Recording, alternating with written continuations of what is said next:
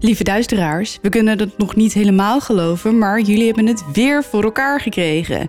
We zijn genomineerd voor een podcast award in de categorie verhalend. En dat was zonder jullie hulp echt nooit gelukt, dus super dank daarvoor. Echt heel erg bedankt. Maar we zijn er nog niet.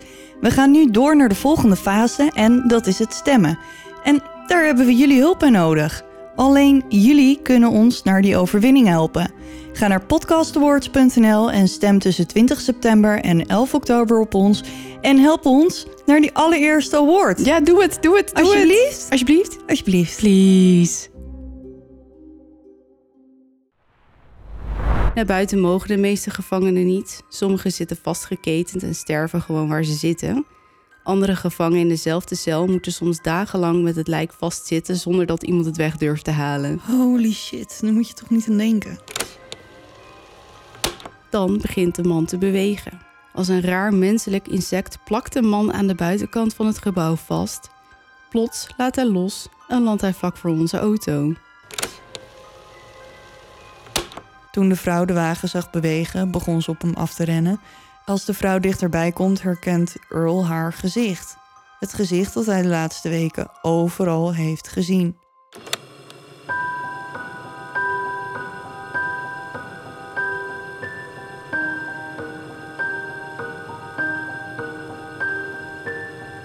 Dit is Duister.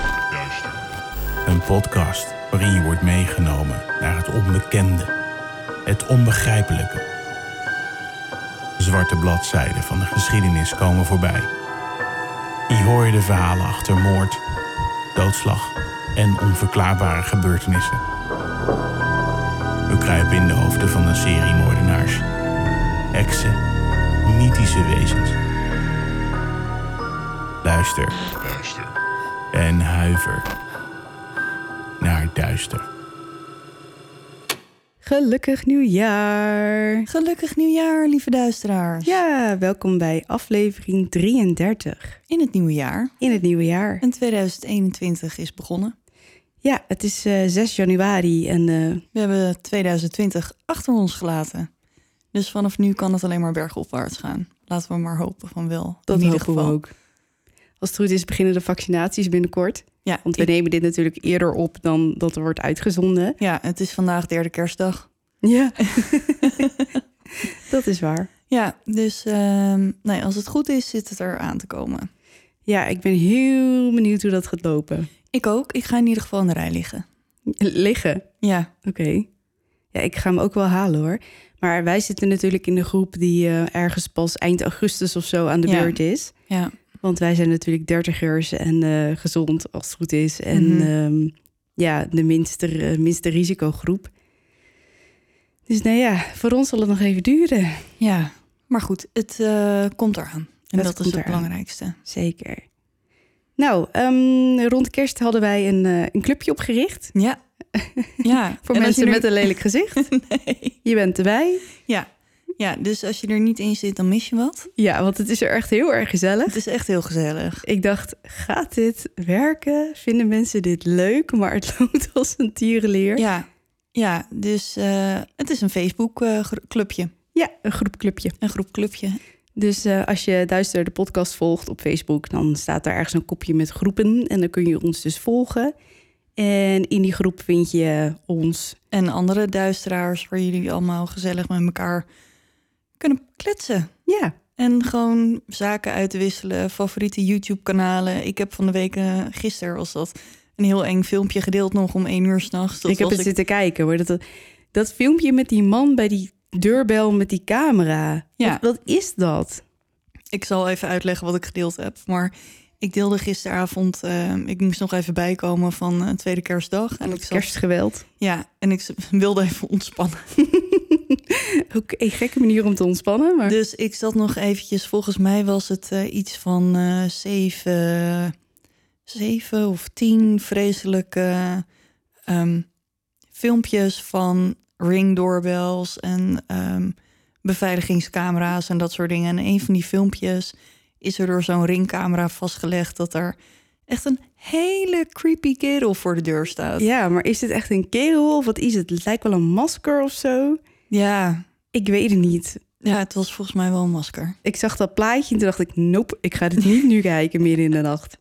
Dat doe ik Oh. morgenochtend wel. Ja, er waren meer duisteraars het met je eens. En ehm Dear David zat er ook in. Ik zag het, ja. Ik heb het wel gekeken, maar de volgende ochtend. Dus nou ja, dat soort dingen kwamen er allemaal voorbij. Daf en ik hebben ons daar alle twee nog even voorgesteld. Iets uitgebreider. Eh duisteraars hebben zich voorgesteld. Er worden spelletjes, tips uitgewisseld. Dus Andere podcast. Ja. Dus, ehm, nou, volg ons daar. ja, zoek ons eh, op. Ja. Nou, ik. doe je nog even je social rondje? Ja, zal ik dan gelijk daar maar even mee Oh, beginnen? trouwens, ja? trouwens, dat wilde ik ook nog even zeggen. We zijn ook op de radio te horen tegenwoordig. Oh ja. Ja, dat was ik al vergeten. Omdat het komt niet per se bij ons binnen of zo. Dat daar Nee. iets gebeurt. Maar we zijn inderdaad ook op de radio te horen. Op Antenne Domstad, een DAB Plus radiozender. Het spook zit me aan te kijken. Of ik het goed zeg. Zei ik het goed, spook? Hmm, En AM. op 1179, oké. Ja. Maar je hoort ons iedere twee weken daar tussen 12 en 2 Twee. s'nachts. En dan hoor je de gehele uitzending. En dan kan je hem lekker over de radio processing horen. Dan klinken we nog dikker. Oh. Voor alle technici onder ons. Dus eh, dat wilde ik nog even zeggen. Dat is wel leuk. Ja, dat is heel leuk. Dus, ehm, nou ja, ik hoop dat iedereen die ons via de radio luistert... ons ook op de socials gaat volgen. Ja, Ehm, dus ik fiets er even in. fiets jij ze er even in. Ja, laten we dan maar vandaag even beginnen met Facebook. Dat Oeh. is eh, facebook.com slash duisterepodcast. Instagram, het duisterepodcast. YouTube, kan je ons nog steeds niet zien, maar wel horen. Dat is gewoon Duistere Podcast. Twitter, het Twitterpot. Ja, voor als je met het spook wilt tweeten. Voor als je met het... Wat? Zeg ik weer Twitterpot? Twitterpot? Ik zeg altijd Twitterpot. Oh, wat een knullig, knullig kind ben ik ook. Oh, duisterpot dus. Ja. Niet Twitterpot. Ik zeg het iedere keer. Ik weet niet hoe dat kan. En dan hebben we Ja, maar dat knippen we er altijd uit. Dus iedereen die nu luistert, die denkt... nee hoor, je zegt het altijd goed. Nee, dat is waar. Ehm, goed, la- eh, de laatste, de website www.duisterpodcast.nl Ja, en er gaat ergens iets mis met de show, Show notes. notes. Ja. Maar het spook is daarmee bezig. Ja, dus we dat komt het- goed. We hebben een tijdje geleden ehm, hebben we ze opgesplitst. Eerst was het, stond het allemaal op één pagina. En ik heb het idee dat daar misschien iets fout is gegaan. Maar dan moet ik even het spook aankijken.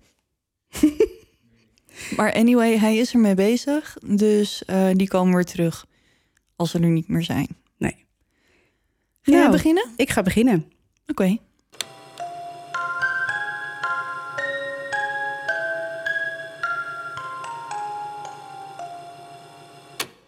Nou goed, ik mag dus beginnen vandaag. Zeker. En ehm, we hadden het er de vorige aflevering al over gehad. We mogen namelijk weer iets heel erg leuks weggeven. Dat is zeker waar. Eh, we mogen namelijk drie jaar abonnementen van Discover Plus weggeven. Dat is echt heel tof. Dat is het voormalige Dplay. We hebben het er wel eens over gehad, denk ik. Ja, in ieder geval op de socials. Ja, En ik denk ook wel gewoon in de afleveringen zelf. dat denk ik ook wel. Ehm, maar eh, Discovery Plus dus, dat is een soort van... eh, ja, soort van... streamingsdienst van Discovery Investigation, Discovery Animal Planet, TLC. Dus nou ja, in ieder geval heel veel ehm, leuke dingen om te kijken. Ja, je vindt daar eh, heel veel true crime, documentaires, spookshows. Bijna al onze favorieten staan erop. Heel nieuw seizoen van de Death Files, zag ik. Oh, die heb ik nog even gemist. En jij stuurde mij een, Ja, er eh, komt iets- nieuwe serie door. Die stond er ook op. Die leek me ook wel heel tof. Ja, Evil Things. Evil Things, ja, zoiets. Nou, hoe dan ook. ehm strakjes, als mijn verhaal klaar is, leggen we even uit hoe je die eh, abonnementen kunt winnen. Of tenminste, eh, één persoon kan natuurlijk één abonnement winnen. Ja. Maar dan vertellen we je er even iets meer over. Maar goed, vandaag. Ik ga dus beginnen. Mijn laatste twee afleveringen waren Urban Legends. Of tenminste, Wisselkinderen zijn niet echt een urban legend. Maar eh, het verhaal van Bridget is, valt voor mij wel een beetje, Ja, een beetje onder, onder een zo. beetje onder urban legend. Dus ik dacht, vandaag gaan we weer eens wat anders doen. We gaan namelijk naar Amerika, South Carolina, naar het plaatsje Charleston, waar een gevangenis staat die wel heel erg beruchte misdadigers huisvesten. We gaan naar de Old Charleston Jail. Je zit me aan te kijken alsof ik nu moet zeggen... ja, die ken Nee. ik. Maar nee, ik denk niet dat de kans zo groot is dat je die kent. Maar, nou, eh, nou onderscha- onderschat mij niet. oh, Mijn kennis van gevangenissen. oh, ben jij van de gevangenissen? Nee, maar wel van de spookprogramma's. Het is toch wel jammer dat we trouwens de eh, tour door de, de Bijmel, bij, Bijlmerbaaiers hebben gemist. Ja, ja, dat is zeker jammer. Helemaal omdat Dat ik daar... zouden we gaan doen. Ja, ik wilde zeggen omdat ik daar geboren ben, maar ik ben niet in de Bijlmer, ik ben niet in de Bijlmerbaaiers geboren, maar wel daarnaast. Ja. Ja. ja, dat was toen toch een, een ghost tour of zo. ja, er was in en het is ook heel lang een soort van escape gevangenis geweest, maar ik weet niet of dat, Nou, dat moeten we eens onderzoeken. ja, want dat lijkt dat me dat wel leuk is. tof. Ja. Precies. Goed, vandaag. De Old City Jail, daar gaan we. In 1670 wordt door de early settlers op de oevers van de rivier de Ashley het stadje Charlestown gesticht. Duizenden slaven worden gedwongen om het stadje op te bouwen en op de plantages te werken. Door de export van rijst en katoen groeit het stadje in razend tempo. Door de plots opkomende welvaart trekt Charlestown ook een hoop gaaiers die op de oevers van de rivier schuilplaatsen maken en vanuit daar criminele ondernemingen starten. Zo, Ja, ondernemend, hoor. ja. Al dat geweld en criminaliteit is een behoorlijk probleem in de stad. En al langere tijd bestaat het idee om een stadswerkhuis te bouwen, maar dit plan wordt pas in 1802 gerealiseerd. Aan de rand van de stad, op een terrein van zo'n 4 hectare, wordt het vier verdieping tellende, op zijn Engels dus.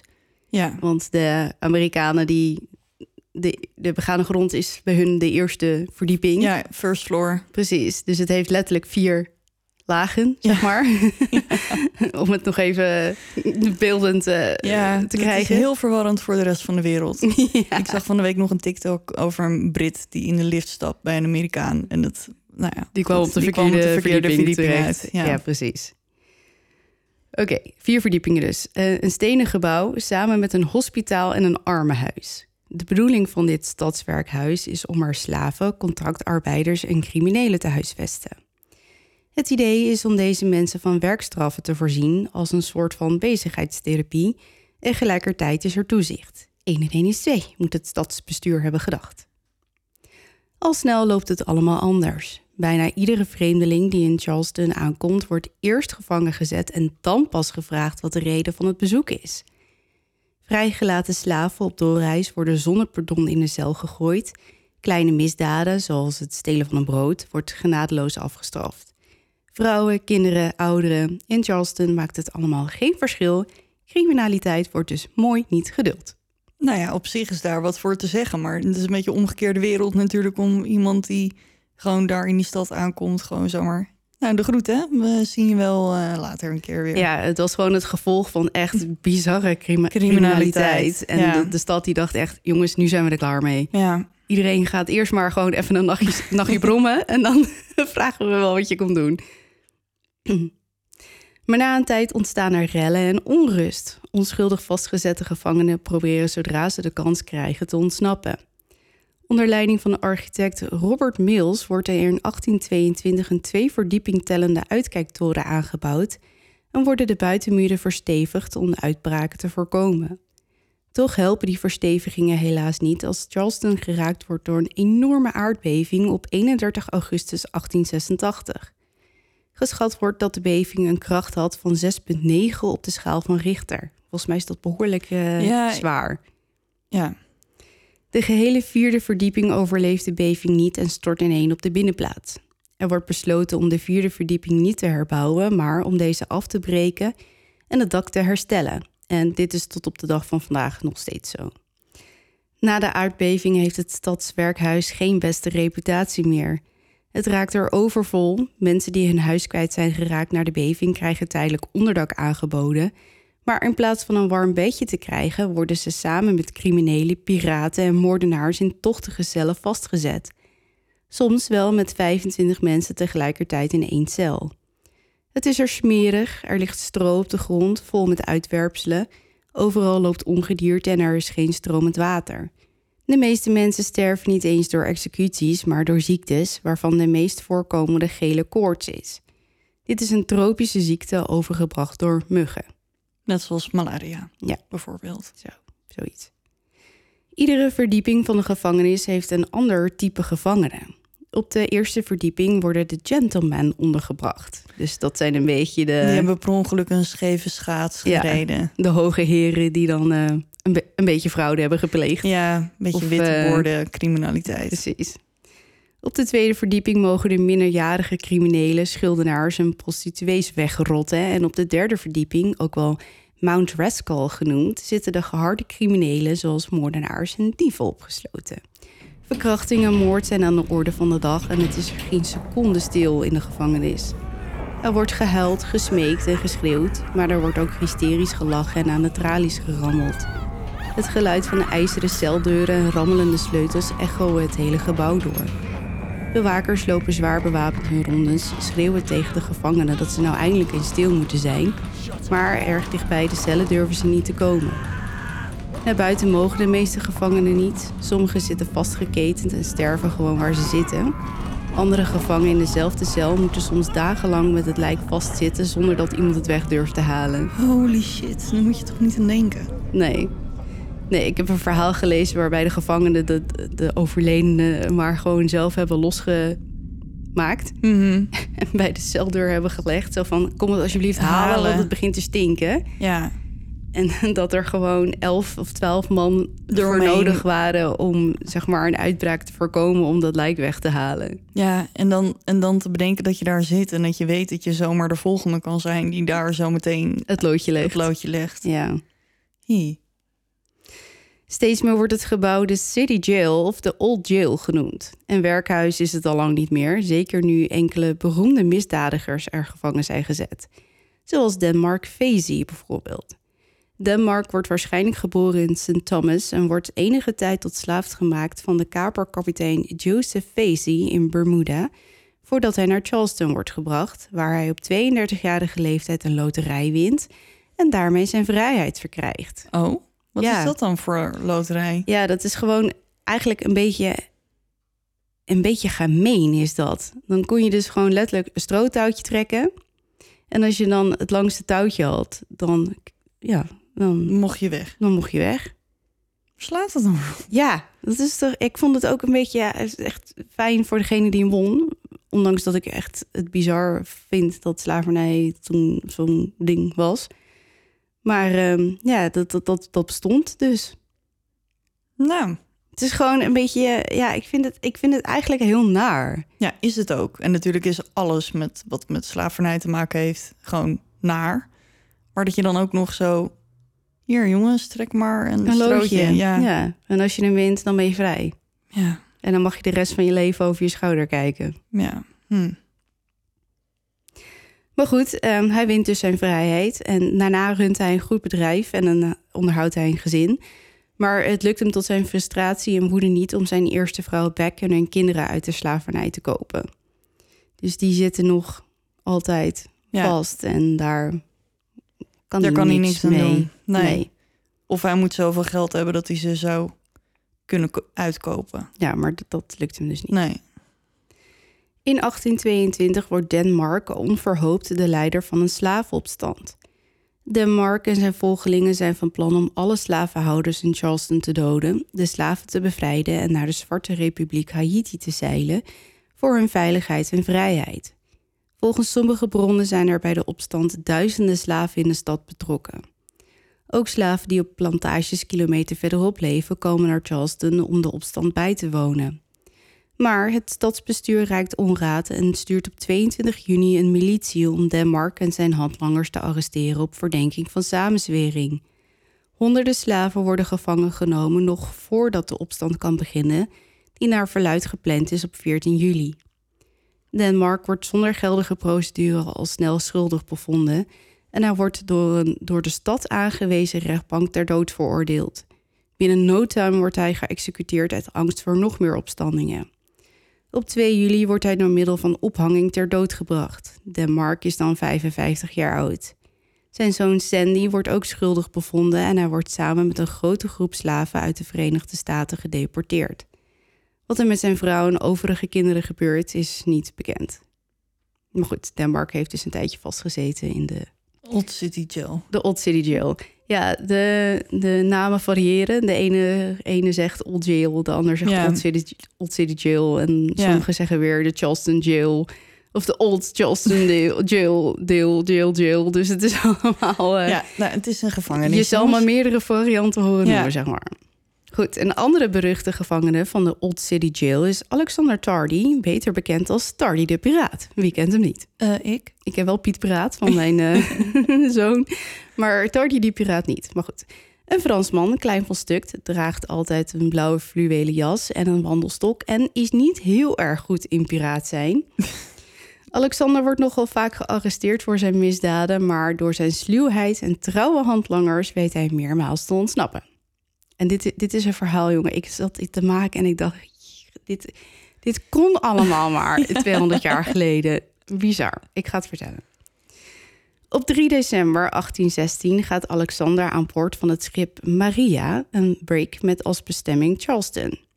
Eenmaal aan boord vergiftigt hij kapitein Latham en zeven bemanningsleden door middel van arsenicum in de thee bij het ontbijt op 7 december. Niemand weet wat de oorzaak van de onbekende ziekte is die de kapitein en de bemanning getroffen heeft. En iedereen verdenkt Alexander, de enige vreemdeling aan boord. Alexander voelt nattigheid en beweert vervolgens een dokter te zijn. En hij adviseert iedereen om castorolie, of soms ook wel wonderolie genoemd, te drinken gemengd met water. Castorolie is een plantaardige olie die wordt gebruikt voor diverse huistuin- en keukentoepassingen. De olie wordt gewonnen door pletten en uitpersen van de wonderboon, afkomstig van de vrucht van de wonderboom. Heel goed, Daphne. De pulp die overblijft is bijzonder giftig voor mensen zolang het niet langdurig verhit is geweest. John Benjamin, een bemanningslid, drinkt van het water, maar sterft nog geen 24 uur later. Iedereen in de war en allemaal kijken ze naar de dokter. Alexander beschuldigt vervolgens de scheepskok, John Gibson, van de vergiftiging. John wordt gearresteerd en veroordeeld voor moord. Hij wordt op 4 maart 1817 opgehangen, nog steeds hevig protesterend en volhoudend dat hij onschuldig is. Alexander is hem tegen die tijd uiteraard al lang gesmeerd. Op 17 juni 1817 glipt Alexander aan boord van het schip The Regulator in Boston op weg naar Philadelphia. Daar vergiftigt hij de suiker aan boord, opnieuw met arsenicum. En weer is daar redder in nood, dokter Alexander Tardy met castorolie als remedie. Godfrey Daniel Lehman, een 35-jarige Duitser die op weg is om zijn broer in Philadelphia te bezoeken, sterft. Opnieuw geeft Alexander de kok de schuld, maar kapitein Presbury kent zijn kok goed en gelooft de beschuldiging niet. Heel verstandig.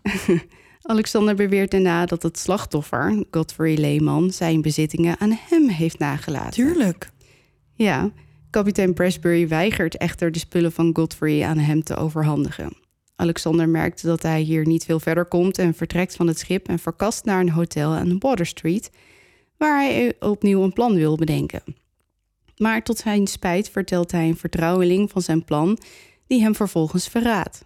Alexander wordt gearresteerd voor het vergiftigen van de bemanning van de Regulator, maar door een gebrek aan getuigen wordt Alexander alleen veroordeeld voor samenzwering met als uiteindelijk doel de bemanning van het schip te vergiftigen. Hij wordt veroordeeld tot zeven jaar dwangarbeid in de Walnut Street Prison en wordt uiteindelijk vrijgelaten op 17 juli 1824. In oktober van dat jaar bevindt Alexander zich in Charleston en maakt hij reclame voor zichzelf als standaard. Oh, Maar het piratenbloed kruipt waar het niet gaan kan en op 18 november 1825, zo rond 9 uur, probeert hij met behulp van twee metgezellen het schip Cora te stelen uit de haven van Charleston. De eigenaren van het schip, William, Copes en Delaney, worden echter getipt over de vermoedelijke diefstal en lokken Alexander in een hinderlaag.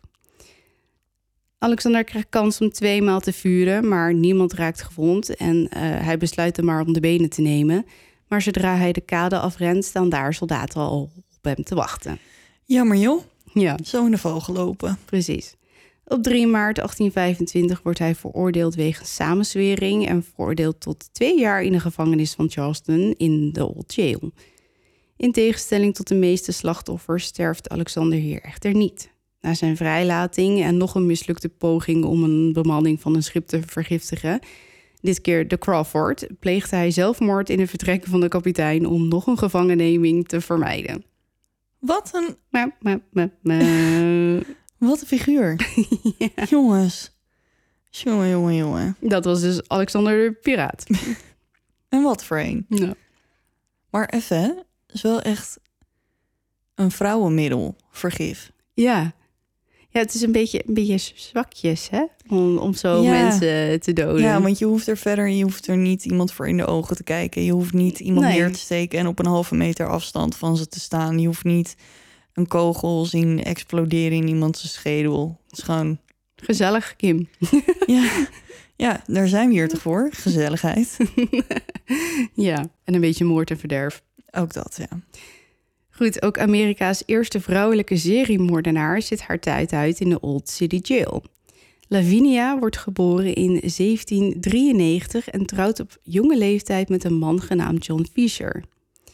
Het echtpaar gaat wonen in de buurt van Charleston en verdient de kost met het runnen van een hotel genaamd Six Mile Wayfarer House, een soort van hedendaags bed and breakfast. Maar vreemd genoeg lijken de mannelijke bezoekers van de Six Mile één voor één te verdwijnen.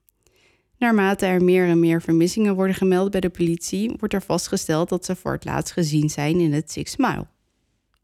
Hoewel de politie een onderzoek begint, is er niet direct bewijs dat het echtpaar Fischer erbij betrokken is. De Fischers zijn populair in de stad en Lavinia is een erg aantrekkelijke jonge vrouw. En ze weet iedereen ervan te overtuigen dat zij en haar man niks met de vermissingen te maken hebben. En het onderzoek wordt gestaakt.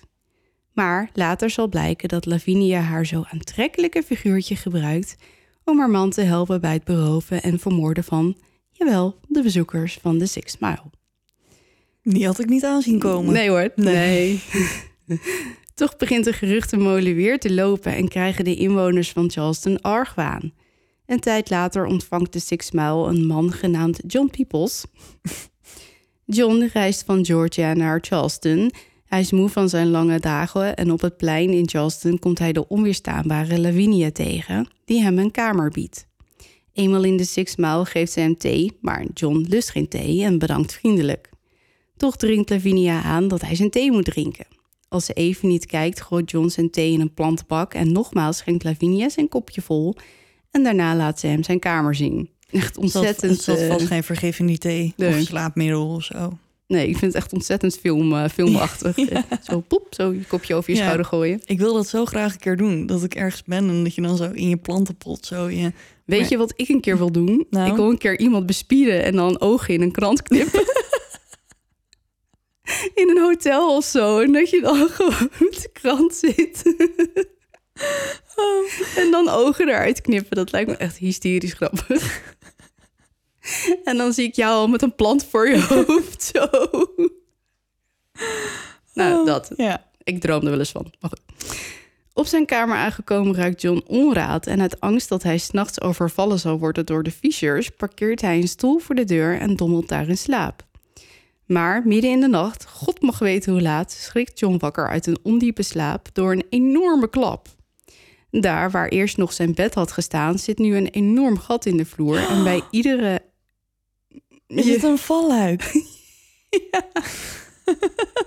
Maar goed, bij nadere inspectie blijkt dat niet de vloer is ingestort, maar dat het bed verdwenen is in een enorm valluik. John springt op, grijpt zijn jas en al hinkend en struikelend trekt hij zijn laars aan en begeeft hij zich naar het raam.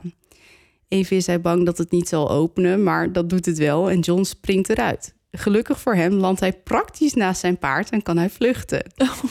Het eerste wat hij doet is naar Charleston rijden. Oh, dat is echt, maar dit is echt zo'n film. Dat, dat hij dan, dan in een paar balen hooi valt hij dan. En dan, Staat zijn paard daar, Ja, en dan- Gezadeld en al. ja, en dan gaat hij met zo'n wapperende jas. Galoppeert hij door de straten. Ja, ik zie het helemaal voor me. Ja, ik ook. Dit keer arresteert de politie John en Lavinia Fisher wel. En tijdens de doorzoeking van de Six Mile vindt de politie oleanderblaadjes die een diepe slaap of zelfs de dood kunnen veroorzaken. Mhm. Een mechanisme dat kan worden geactiveerd om de vloerplanken onder de bedden te openen. En in de kelder meer dan 100 skeletten.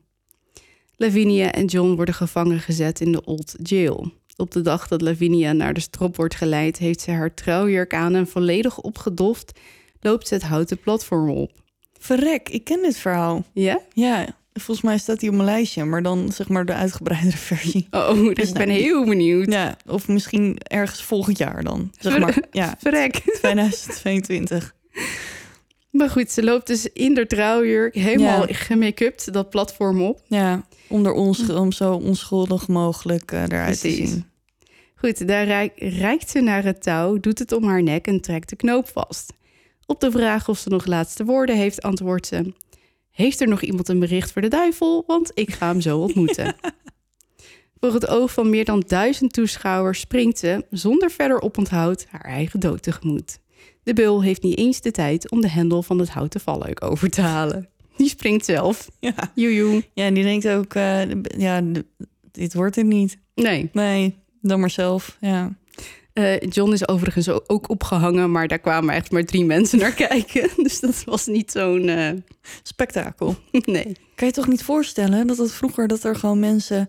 Het was echt een uitje. Ja, Mensen kwamen met kinderen, met, Ja. met picknickmanden, met een wijntje. Die Ja, stonden gewoon daar gewoon op de heuvel. Ja, die gingen gewoon kijken hoe iemand eh, werd opgehangen. ja. Of gestenigd of op de brandstapel gegooid. Ik las dat kinderen het gewoon leuk vonden en spannend. Zo van, oeh, we gaan kijken dat er weer eentje wordt Geaccepteerd. geëxecuteerd. Ja. Bizar, toch? ja, wij hebben Netflix. En true crime. Ja, ik zag vandaag nog een filmpje met ehm, foto's van overleden mensen. Oh, Ehm, jij kan daar naar kijken, hè? ja, maar ik niet. het ging, het ging erom dat ehm, die mensen die waren in een soort van rare omstandigheden overleden. En ehm nu zat er eentje. Dat is heel lullig. Maar ik, ik had het begin een beetje gemist, want ik zat niet op te letten. Maar blijkbaar was hij bezig met een grafroof. Dus hij had een gat gegraven in een graf.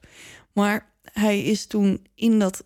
Er zat een gat in de grond, daar is hij met, zeg maar, head first ingedoken.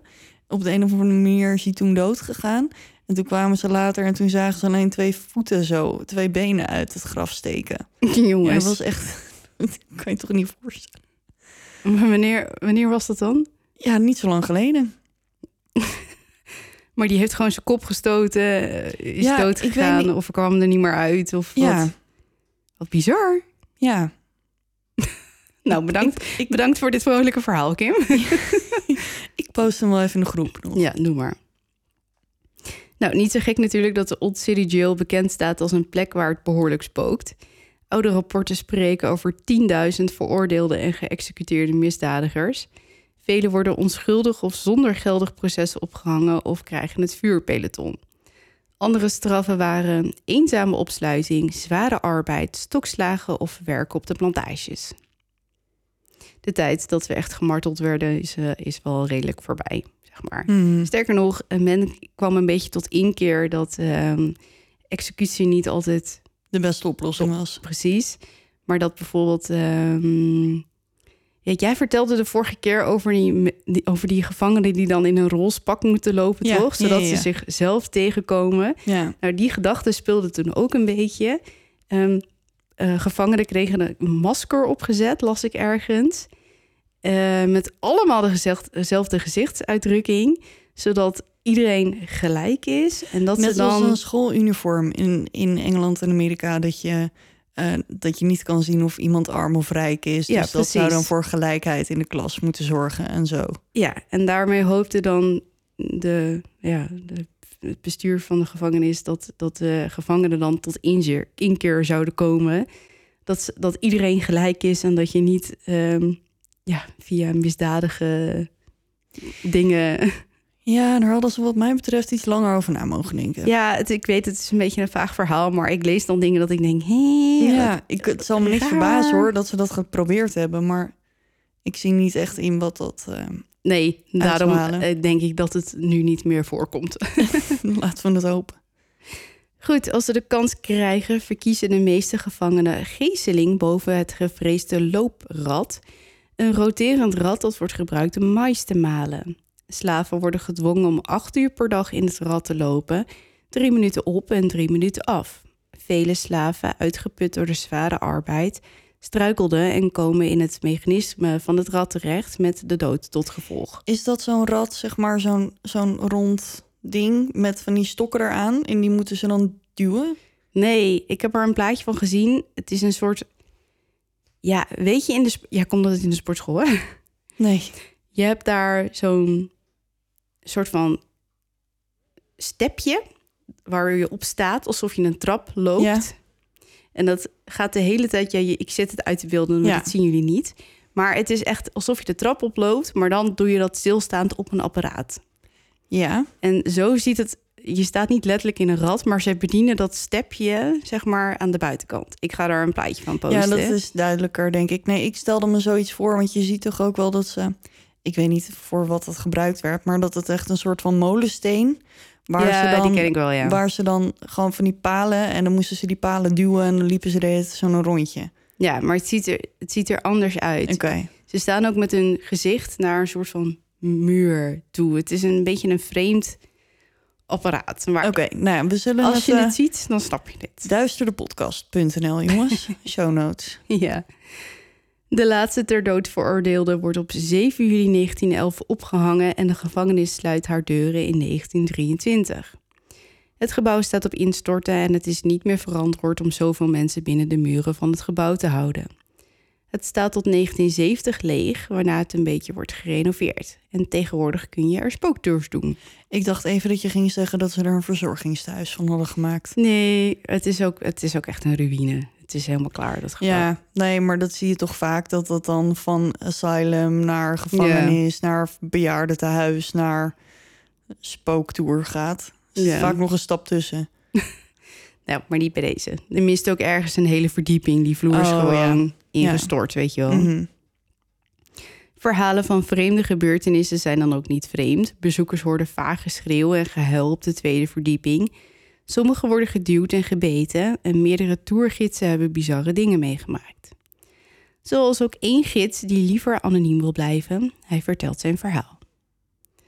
Op een snikhete avond in augustus sloot ik de gevangenis af. Ik had dubbele dienst, dus ik had de middagavonddienst en de volgende dag de ochtend-middagdienst. Maar goed, ik had dus de hele dag mensen door de gevangenis rondgeleid en keer op keer mijnzelfde grapjes gemaakt. Rond een uur of zes heb ik op de tweede verdieping een aantal gangen aangeveegd, de folders rechtgehangen en mijn rondje gedaan. Alles zag er kalm uit. De volgende ochtend rond half acht kom ik bij de gevangenis aan en loop ik weer mijn rondje. Aangekomen op de tweede verdieping schrik ik. Er is ingebroken. Overal staan voetstappen in het stof, vingerafdrukken op de ramen, stoelen zijn verschoven en meerdere celdeuren staan wagenwijd open. Deuren waarvan niet eens een sleutel in het gebouw aanwezig is. Verschrikt wil ik mijn telefoon pakken, maar dan twijfel ik. Ik kijk nog eens naar de voetstappen en ik zie dat sommige groter zijn dan andere. Ik zie afdrukken van laarzen, maar ook van blote kindervoetjes. Ook de handafdrukken verschillen in grootte. En dan bedenk ik me dat het een gevangenis is. Als je er niet zomaar uitkomt, kom je er ook niet zo gemakkelijk in. Ik ben in de war, maar ik stop mijn telefoon weer terug en loop naar beneden. Daarna heb ik nooit meer zoiets meegemaakt. Ik kan me niet voorstellen wat er dan door je heen gaat als je dan binnenkomt en dat je denkt, "Ah, ingebroken. En dat je dan daar één seconde staat en dat je dan denkt, ja, maar hoe dan? En dat je dan, ja. Ja, ik zou, ik denk dat ik gewoon camera's op zou hangen. Ik dacht even dat je ging zeggen, ik zou gewoon wegrennen. Ook dat. Iemand zei, eh, wij krijgen wel heel veel eh, DM DM'tjes op Instagram en zo. En iemand vroeg, eh, ik weet niet eens meer over welke film het gaat. Is die heel eng? Waarop ik zei, ja, die is wel heel eng. En toen zei diegene, ja, is mooi, want ik gebruik jou echt als graadmeter of het eng is of niet. Ja, volgens mij was het niet het gesprek dat, ja, we gaan met z'n allen een keer een film kijken en dan moet Kim maar kijken. Oh ja, ik had voorgesteld om een duisteraar Zoom-sessie eh, te starten. Ja, een soort van watch party. Ja, dus als je een film hebt die je nog wel een keer wil zien, maar niet in je eentje durft te doen, dan doe je het gewoon met ons allemaal. Ja, gaan we op hetzelfde moment dezelfde film kijken. Precies. En dan laten we Kim het aangeven als het een beetje spannend wordt. Dan doen we allemaal ons kussentje voor ons gezicht. en dan, dan kan zij ons updaten. Ja, En als het dan voorbij is, dan zegt ze, nou, ga maar weer kijken. En dan Mhm. kunnen we weer verder kijken. ja. Dus wie voor is, meld je even aan. Dan maken we een lijstje. Ja. Niet alleen onverklaarbare voetstappen worden gezien, maar ook onze vriendin Lavinia Fischer. Bezoekers die nog nooit over Lavinia gehoord hebben, zien een extreem knappe vrouw in een opzichtige witte jurk over de gang van de derde verdieping lopen. Aan het einde van de gang is ze Het is- plots verdwenen. Het is altijd de woman in white. Maar Ja. nu is het in één keer een opzichtige witte jurk. Ja, die liep in de trouwjurk natuurlijk. Maar goed, eh, over de gang van de derde verdieping. Aan het einde van de gang is ze plots verdwenen, maar even later zal ze over de binnenplaats richting de galg lopen. Het bijzondere is, is dat dit altijd op hetzelfde tijdstip is, rond het middaguur. Het moment waarop Lavinia naar de strop geleid werd. Mhm. En dit gebeurt dan Iedere dag in een loopje. Ja, precies. Dit is zo'n geest die dan vastzit in een... eh, ja, Eeuwige in- loop. In een loop, ja. Ja. Een andere geest is die van Alonso. Alonso is met zijn tien jaar de jongste veroordeelde misdadiger in Charleston ooit. Hij werd gearresteerd nadat hij een geparkeerd wagentje had gejat...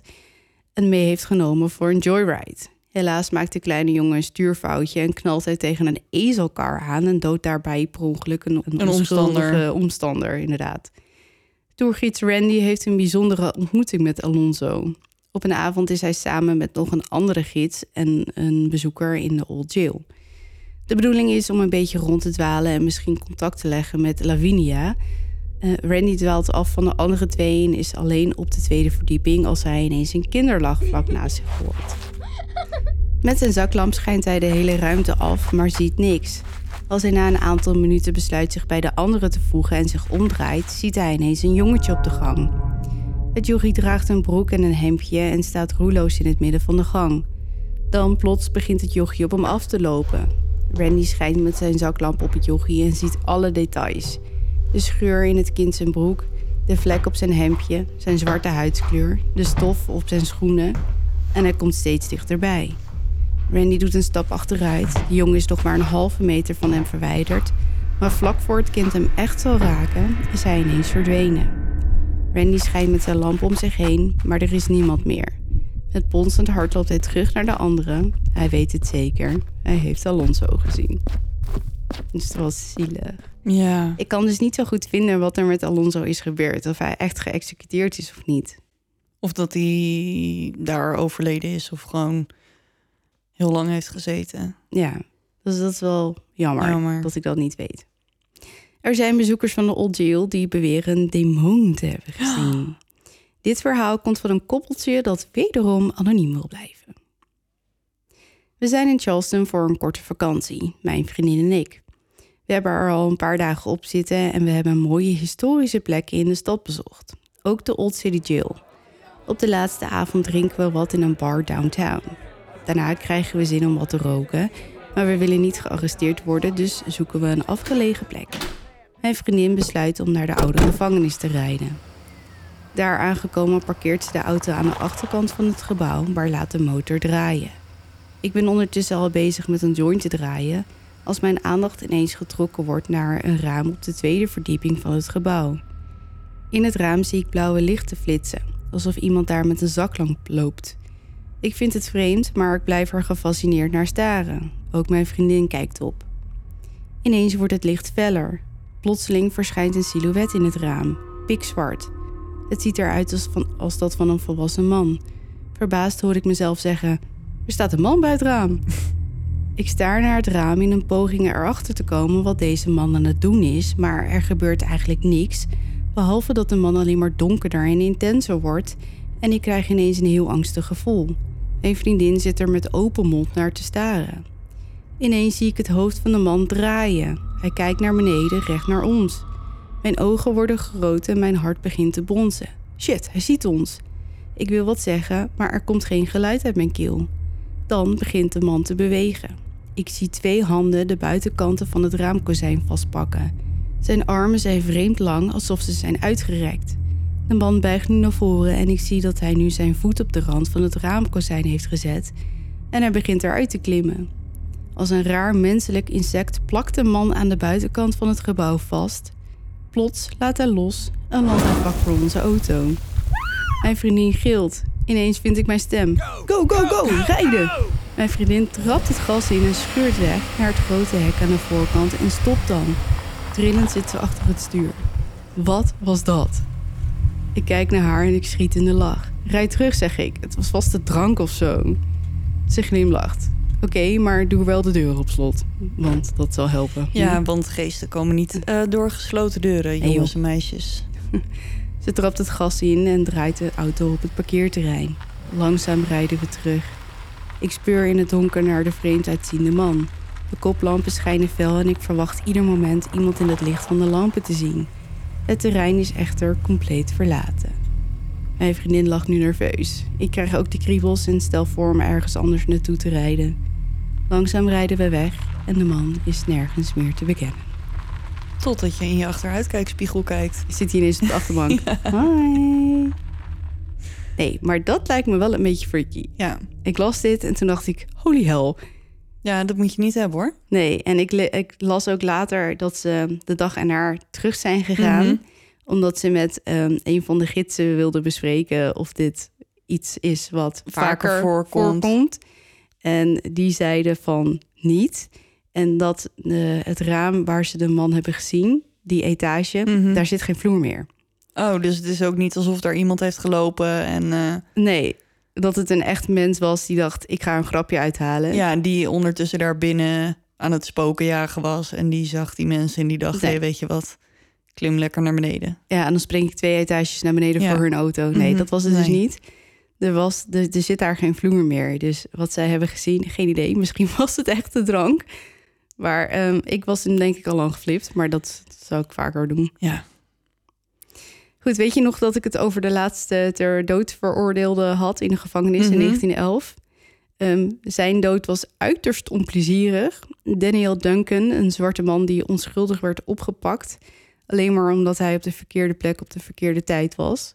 Daniel was een grote, lange man van bijna 2 meter en hij woog meer dan 100 kilo.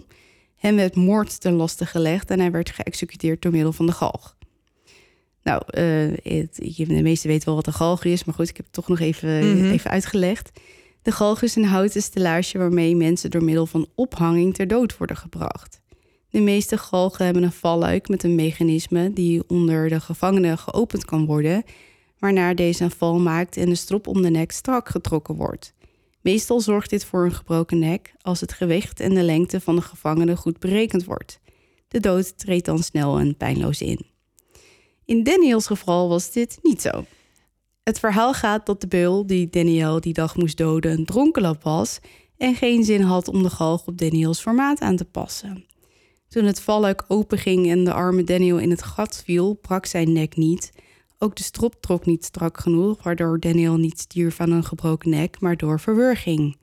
Zijn voeten waren maar 4 centimeter van de grond verwijderd en het kostte hem 39 minuten Ja. voordat hij stierf en eindelijk uit zijn lijden werd verlost. ja, je hoort het wel vaker. Dat mensen inderdaad niet eh, gelijk een gebroken nek en eh, ja, dan hang je daar dus. Te spartelen. Ja, totdat je, het, totdat je lijf het opgeeft. Het kan echt heel lang duren. Ja, 39 minuten in Ja, Daniels want het- geval. Het ligt gewoon aan de druk die er wordt uitgeoefend natuurlijk. En als hij niet strak trekt, Nee, dan, dan, dan hang je letterlijk aan een touw. ja, ja vreselijk. Bah. Ja. Nou ja, eh, Daniel wordt niet echt gezien, maar soms zien eh, mensen de, het touw van de galg bewegen. Oh ja. En dat is dan niet de wind, maar eh, ja, was een of ander spook die dan. Een tikje geeft. ja. En dat was het voor vandaag. Ja, was tof. Ja, de Old City Jail. Ja, Ik dacht, het is toch weer eens wat anders. ja en spoken. Altijd goed. Mhm. Maar ehm, welke serie heb je gekeken voor deze... Ja, ik, Zaak. deze staat dus op Discovery Plus. En ik heb de Ghost Brothers hiervoor gekeken. Oh ja. Dat zijn drie zwarte mannen, de broers. En die, ehm, ja, die, die zijn net zo hysterisch als het gaat om spoken als ik. Die laten zich heel gauw bang maken. Ja. Die zijn allemaal helemaal... Ja. Ik zal nooit vergeten die aflevering dat ze in zo'n huis zijn... en er is een oude vrouw en dan gaan ze met die vrouw daten. Met, met, die, met dat spook. En dat ze dan gaan proberen om een gesprek met, die, met dat spook te hebben. En dan gaan ze met haar, met haar flirten en zo. Oh, Dat echt? echt heel, was echt heel grappig. Hebben we dat samen gekeken? Ja, Oh, weet ik niet eens meer, joh. ja, nee, was heel grappig. Ja, ik vind het wel een leuk show. Ik ook. Ze zijn heel leuk. Goed, dat was het voor vandaag van mijn kant. Ja, ik wilde net zeggen, ik moet nog. Ja, maar ehm, even over die drie jaar abonnementen. Want we hadden beloofd hoe we dat gingen uitleggen. Ja. Je maakt dus kans eh, op een eh jaarabonnement. En dat doe je door middel van een bericht dat wij gaan plaatsen op de socials, te liken en te delen. En dan gaan we gewoon ouderwets een loodje trekken. En degene die, eh, ja, we mogen ja, drie die, winnaars die uit het. Rad van Fortuin eh, komt. Dus dat wordt weer een aardig klusje voor mij. Ja, Ehm, die is de gelukkige winnaar. Jullie hebben tot 13 januari de tijd, tot en met 13 januari de tijd om te reageren. Dus dat is een week vanaf dat deze aflevering uitkomt. Want dan kunnen we dat gewoon verwerken voordat wij weer beginnen met het opnemen van de volgende, volgende aflevering. yes. En er staat nu ook een hele toffe nieuwe documentaire serie op Discovery Plus. Jij hebt hem al mogen kijken. Ja, ik heb hem al gekeken. Hij is eh 4 januari uitgekomen. Ik moet even nadenken, want we zitten natuurlijk moet Ja. vooruitdenken. 4 januari is hij uitgekomen. En ehm, ja, ik vond het super vet serie. Ik heb alleen die eerste aflevering mogen kijken. Ehm, maar het was niet zo'n bekende zaak. Dus dat vond ik zelf wel heel leuk. Omdat, ehm, ja, Je dan- kende hem nog niet. ik kende hem nog niet. Dus dan leer je nog eens een keer wat nieuws. En ja, ik vond het super tof. Maar het gaat gewoon over dit, want hij heet een American Detective. Ja. En het zijn gewoon detectives die hun eigen, over hun eigen moord vertellen. Of hoe ja, er het? is volgens mij één ehm, presentator. En die laat dan ehm, een detective zien die zijn verhaal vertelt. Mhm. En ja, die neemt je gewoon helemaal mee in het proces van die moordzaak. Dus dat was ja, super tof en heel interessant om te zien hoe dat, eh hoe dat eraan toe gaat. Cool. Een American Detective. Vanaf 4 januari. januari. Dus hij Dus, is nu eh, voor iedereen eh, te bekijken. Ja, en op Discovery Plus, eh, voormalig Dplay, vind je natuurlijk al onze favoriete spookprogramma's. Ik zei het al een beetje. Eh The Dead Files, Ghost Brothers, The Ghost Lab, Ghost Asylum, Kindred Spirit. Kindred Spirits, People Magazine. Portals to. Hell. Ja, echt. alles. Ja, al onze favorieten. En ik wil er nog wel even aan toevoegen dat ehm, het was natuurlijk Dplay. Ehm vanaf januari is dat eh, Discovery Plus. En met dat het Discovery Plus is geworden, ehm komen er een hele hoop exclusieve titels. ehm, die eerst niet op Dplay stonden, komen nu dus wel op Discovery Plus. Dus komt alleen maar meer spannends aan. Yay! Dus wil je de gelukkige winnaar zijn van een jaarabonnement? Like en share het bericht en wie weet win je hem. Ja, en wij maken de winnaar dan over eh, twee weken bekend in de volgende, volgende aflevering. Ja, en daar heb je een week voor de tijd. Dus tot... Om te, 13 januari om te reageren. Goed, nou, hebben we dat gehad? Ja, ga ik beginnen. Yes!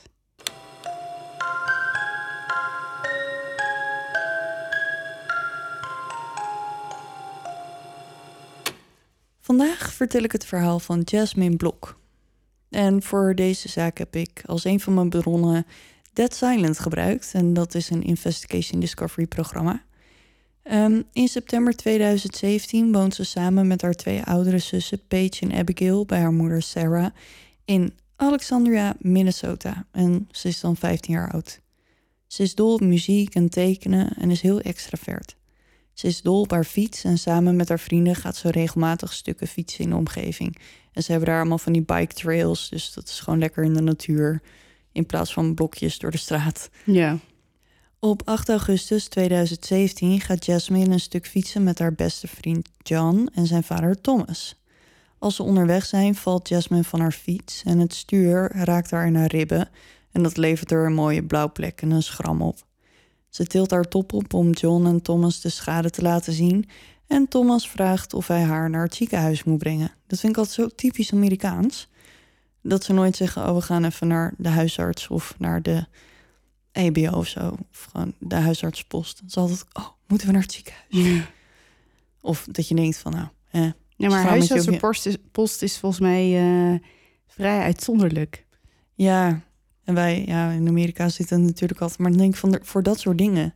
Ik zie zo vaak op tv mensen die dan naar het ziekenhuis gaan. En dan denk ik, Ja, dus zitten ze op de eerste hulp te wachten. zes uur. En dan, Mhm. ja, dat ik denk, daar gaan wij gewoon voor naar de dokter, bijvoorbeeld. Ja. Jasmine zegt dat er niets aan de hand is, gewoon een blauwe plek. Nou, gaat gewoon wel weer over.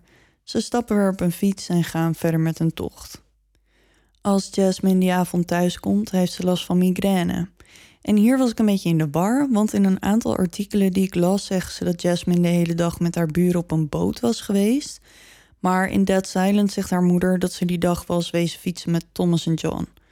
Um, ik weet dus niet of ze eerst gefietst heeft en daarna op een boot is gegaan, of andersom, of dat ze uh, niet op die dag is gaan fietsen, maar een paar dagen daarvoor.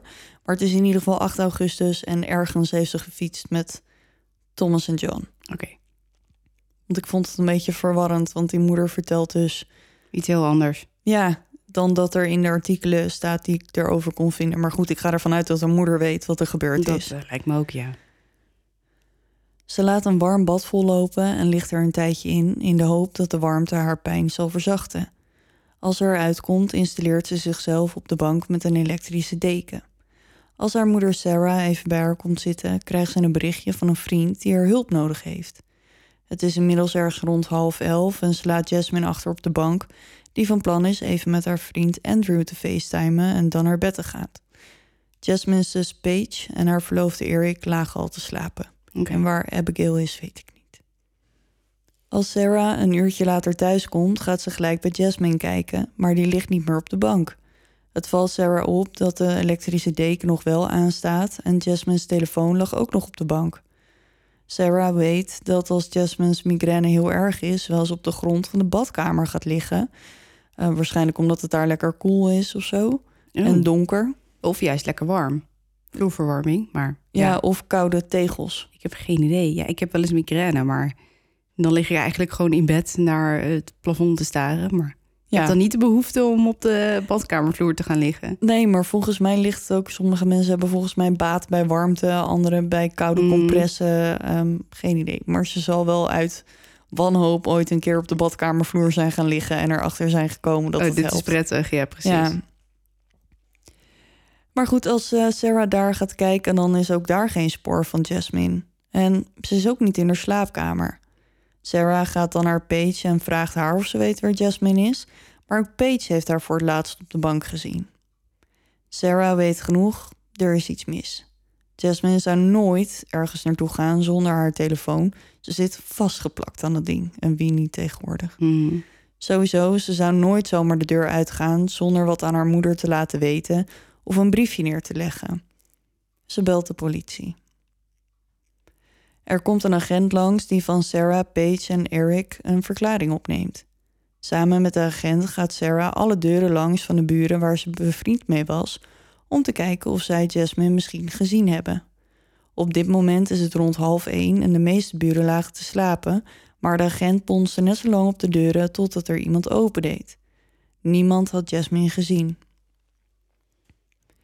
Omdat dit niets opleverde, ging de agent op zoek in de buurt en Sarah, Paige, Eric en nog een vriend begonnen hun eigen zoektocht. Ze gingen naar een paar meren in de buurt en in Alexandria hebben ze daar heel veel meren. Oké. Blijkbaar is het een heel waterrijke Omgeving. omgeving. Maar goed, het is half één s'nachts, dus veel kunnen ze niet zien, want nou, ja, het is overal pikdonker.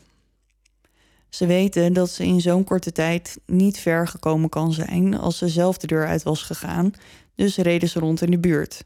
Want nou ja, zo lang heeft er natuurlijk niet tussen gezeten, dus als ze is gaan lopen, kan ze nooit ver weg zijn.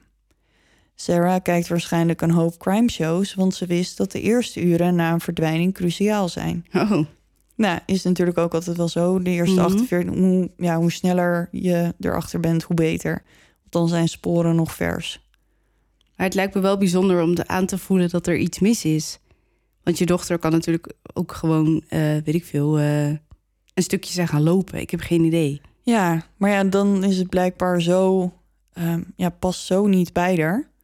ehm, dat ze dan de deur uit zou gaan zonder een briefje achter te laten... of er een moeder even een sms'je te sturen... of ze zou sowieso altijd haar telefoon meenemen als ze dat zou doen. Ja, want ik ga wel eens eh, eh, boodschappen doen en dan Mhm. vergeet ik mijn telefoon. En dan denk ik in de winkel, shit, ik ben mijn telefoon vergeten. Maar Ja. ik ga er niet voor terug.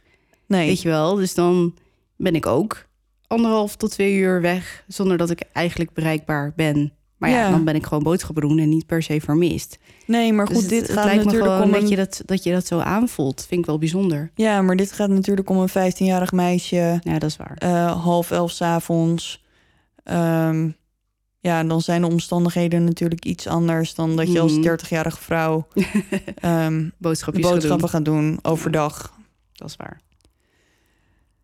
Maar goed, eh, Sarah die deed die nacht natuurlijk geen oog dicht, want die wilde alleen maar weten waar haar eh, kind was en dat ze gewoon gezond en wel weer terug zou komen. Op 9 augustus, de volgende dag, krijgt een detective, Tony Gold, een telefoontje. En ik weet waarom hier een detective staat, want ik zat Dead Silent te kijken. Maar de eerste helft van de show had deze man geen naam. Oh, Want vaak als je dan kijkt dan, en er komt iemand aan het woord... dan staat er altijd een titeltje met iemand zijn naam. Mhm. Maar dat kwam niet. Dus ik had eerst opgeschreven... kreeg een detective een telefoontje. zoveel moet ik later nog invullen. ja, moet ik later, als ik er nog achter kom... dan moet ik dat dus nog invullen. Maar goed, nu is het een beetje een rare zin geworden. maar Tony Gold dus. Op het moment dat hij het telefoontje krijgt... over de vermissing van Jasmine... is ze zo'n zes of zeven uur weg. De politie weet dat tieners vaak van huis weglopen... Alleen zijn ze dan vaak na zes tot acht uur weer thuis. En nou ja, dat is in Jasmine's geval niet zo. En nou ja, ik, ik, het verbaasde me wel, want vaak zijn ze heel erg ehm, inderdaad van je kind is weggelopen. Hè, die komt wel weer thuis, mevrouwtje. Bladibladibla. Ja, maak je maar maak niet je maar druk. niet druk. Die is gewoon weggelopen.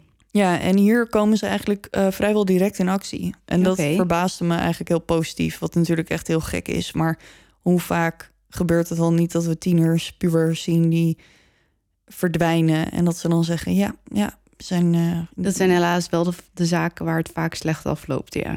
Ja, en natuurlijk zijn er een hele hoop die wel weglopen. Maar dat hoeft dus niet te betekenen dat iedereen eh, van 14, 15, 16, 18 dat maar doet. Mhm. Maar goed, Tony Gold gaat naar Sarah en vraagt haar of haar iets bijzonders is opgevallen. Of ze iets gehoord of gezien heeft, hoe het gedrag van Jasmine was voor haar verdwijning, nou ja, dat soort dingen. Zoals we weten was dat niet het geval. Als hij haar vraagt of Jasmine iets heeft meegenomen, geeft Sarah hem Jasmine's telefoon. Op dat moment weet de detective dat er waarschijnlijk meer achter de verdwijning van Jasmine zit dan een weggelopen kind. Weglopers nemen vaak wel hun telefoon mee. Is dat zo? Ja. En dan is er natuurlijk nog een verschil tussen weglopers en mensen die willen verdwijnen. Want vaak als je echt wil verdwijnen, dan laat je natuurlijk wel zoveel mogelijk achter. Want je weet natuurlijk dat ze je telefoon kunnen zoeken en dat soort Ja, dingen. Precies. Maar als je wegloopt, bent. ja, maar als je gewoon wegloopt, dan hoef je niet, wil je niet per se verdwijnen, verdwijnen. Mhm. je, hoeft, je wil niet per se niet gevonden worden. Ja, Of wel. Ja, misschien ook wel. Maar ehm, ja, volgens mij denk ik, ja, weglopers. Ik denk dat je natuurlijk, iedereen heeft ook gewoon zijn telefoon nodig tegenwoordig voor van alles. Ik bedoel, voor mijn bank, voor mijn Google Maps. Google. Maps. dat ja, social media. Want er zijn natuurlijk ook genoeg weglopers die wel gewoon nog hun social media blijven gebruiken. Maar die willen gewoon niet meer thuis zijn, Ja, bijvoorbeeld. precies. En nou ja, Tony Gold dus, die, ehm, die gaat ermee aan de slag. En ook het tijdstip waarop Jasmine verdween, zo laat op de avond, zit hem niet lekker. De telefoon was vergrendeld en Sarah wist haar wachtwoord niet, dus de telefoon was voor hen op dat moment onbruikbaar. De politie had veel interesse in haar social media accounts en met een bevel waren ze in staat om haar profielen te bekijken. Ze was actief op Facebook en Instagram en de politie ontdekte dat ze contact had met een jongen in Noord-Minnesota. Zijn naam is Andrew, de jongen waarmee ze een afspraak had om te facetimen de avond dat ze verdween. Voor zover de politie weet, is hij de laatste persoon waarmee Jasmine contact heeft gehad voordat ze verdween, dus ze wilden hem graag spreken. Andrew woont 160 kilometer verderop in Pine River en een agent uit Alexandria gaat samen met een FBI-agent naar zijn huis om hem te vragen eh, ja, waar ze het over gehad hebben op de avond van Jasmine's verdwijning. Helaas had Andrew de politie niets te melden. Volgens hem waren er geen ongewone dingen voorgevallen tijdens hun gesprek en de politie kon Andrew al snel uitsluiten als verdachte. En volgens mij was hij ook niet heel veel ouder dan Jasmine, want je, je ziet natuurlijk de nagespeelde eh, versie in, Mhm. in die programma's. En ja, het leek gewoon een klein jong kereltje. Dus het is niet dat hij...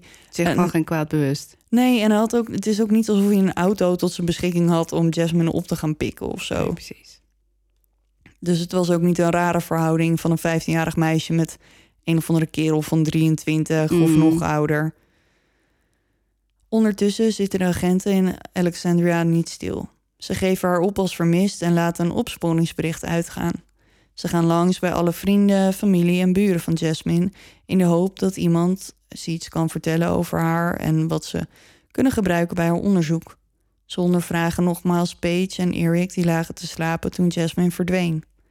Ze hadden haar niet weg horen gaan. Ze hadden geen auto's gehoord, ze hadden geen geworstel gehoord, gewoon echt helemaal niks.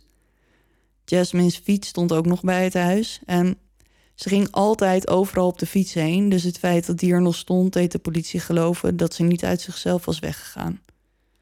Sarah wist zeker dat Jasmine nooit weg zou lopen. Ze was bang dat Jasmine online iemand had ontmoet en met hem afgesproken had, om vervolgens gekidnapt te worden, of dat iemand bij het huis langs was geweest om haar te kidnappen. De politie vraagt haar of ze misschien iemand weet die Jasmine iets aan zou willen doen. Na de dood van haar man had ze een tijdje gedate met een man genaamd Dan. De breuk was pijnlijk en Sarah moest een contactverbod voor hem aanvragen. In juni kreeg ze van hem een bericht met iets in de trant van: Ik liep net langs je kind. Oké. Ook maakte hij andere opmerkingen over haar kinderen. Voor Sarah voelde het als een bedreiging. Dit is, ja, het is dus niet zo gek dat ze aan hem moest denken. Nee. De politie zoekt Dan op en gaan langs bij zijn huis in Starbuck, Minnesota. Oké. Ja, dus niet Starbucks, maar Starbuck. Hm. Als ze aankloppen, blijkt hij niet thuis te zijn, dus ze gaan langs zijn werk. Ze vinden hem daar en ondervragen hem, maar hij heeft een alibi. Meerdere mensen konden bevestigen dat hij de avond van de verdwijning thuis was. Dus nou ja, de politie kon niet anders dan, hun, dan hem van hun lijstje met verdachten te schrappen. Of nou ja, lijstje. Dan was tot op dat moment de enige verdachte. Hm. Sarah is vastbesloten haar dochter te vinden en terwijl de politie onderzoek doet, zitten zij en haar vrienden niet stil. Ze tovert haar huis om tot hoofdkwartier van de zoektocht en print honderden flyers die ze overal door de stad opplakken, onder ruitenwissers stoppen, bij winkels achterlaten. Ze versturen ze zelfs met de post. Dat doet me een beetje denken aan die andere zaak die jij vertelde. Ik weet even niet meer uit mijn hoofd welke dat was. Maar er was ook zo'n soort van buurtcentrum opgericht waarbij... ja, eh, ehm, god weet ze nou, dat meisje dat verdween in Engeland. ja, die. Eh, Matthews. Ja, Sharon. ja. Ja, ja, inderdaad gewoon zo'n hoofdkwartier. Dat wordt dan helemaal omgeturnd en iedereen verzamelt zich daar. En daar vandaan gaan dan... Vertrekken ploegjes mensen om te gaan zoeken. Ja, dus dat had Sarah ook, Sarah ook. En ze doet ook interviews met de media... om zoveel mogelijk aandacht te genereren voor de vermissing van haar dochter. Jasmine's foto stond op billboards in de stad... zodat iedereen die er langs reed het gezicht van Jasmine zou zien... En dit deed me dus denken aan de film The Three Billboards Outside Ebbing, Missouri. Ehm, een film over de verdachte dood van een vrouw... waarna haar moeder in de stad de foto van haar dochter op billboards laat zetten. En deze film is gebaseerd op een waar gebeurd verhaal... de dood van Kathy Page. En die ga ik nog wel een keertje doen. Oké. Alleen is de moeder dan eigenlijk de vader. Huh? Ja, Oh, in, ja, de, ja, in de film is de moeder, zeg maar. Oh, ik, ik dacht, ik dacht een transgendermoeder of zo. Maar, kan ook, ja, maar dat kan, maar... In, in de film is het dus de moeder die dit doet, Ik maar in het echt was het. het de vader. Ja. maar het is wel een interessante zaak ook. En die film heeft een Oscar gewonnen, dus hij staat op mijn lijstje om verder Te ooit doen. een keer te doen. Ja.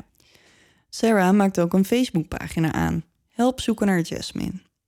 De politie heeft ook toegang tot deze groep, zodat ze in de gaten kunnen houden of er iemand op de pagina eruit springt. Soms zie je natuurlijk dat daders zich tegen het onderzoek aan bemoeien, dus het is op zich best wel een goed idee om zulke dingen in de gaten te houden.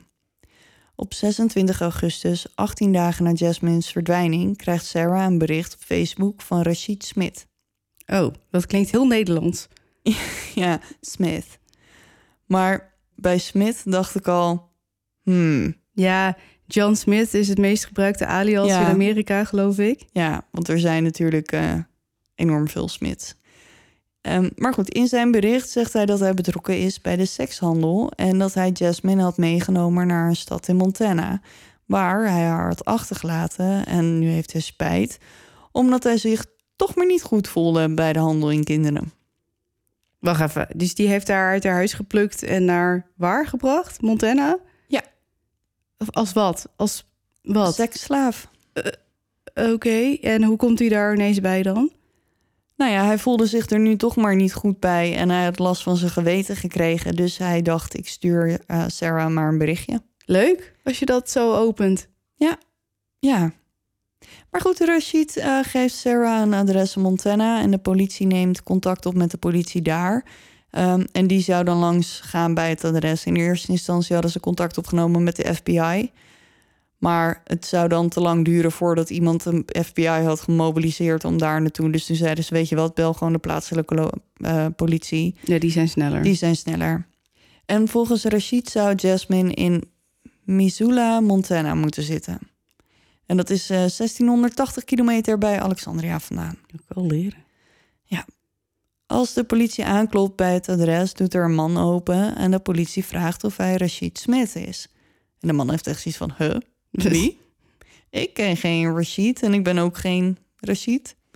En ze laten dan ook echt een hele witte man zien en, ehm, in Dead Silent. En die zegt dan, zie ik eruit als een Rashid? En toen dacht ik echt, hoezo zou een witte man geen Rashid kunnen heten?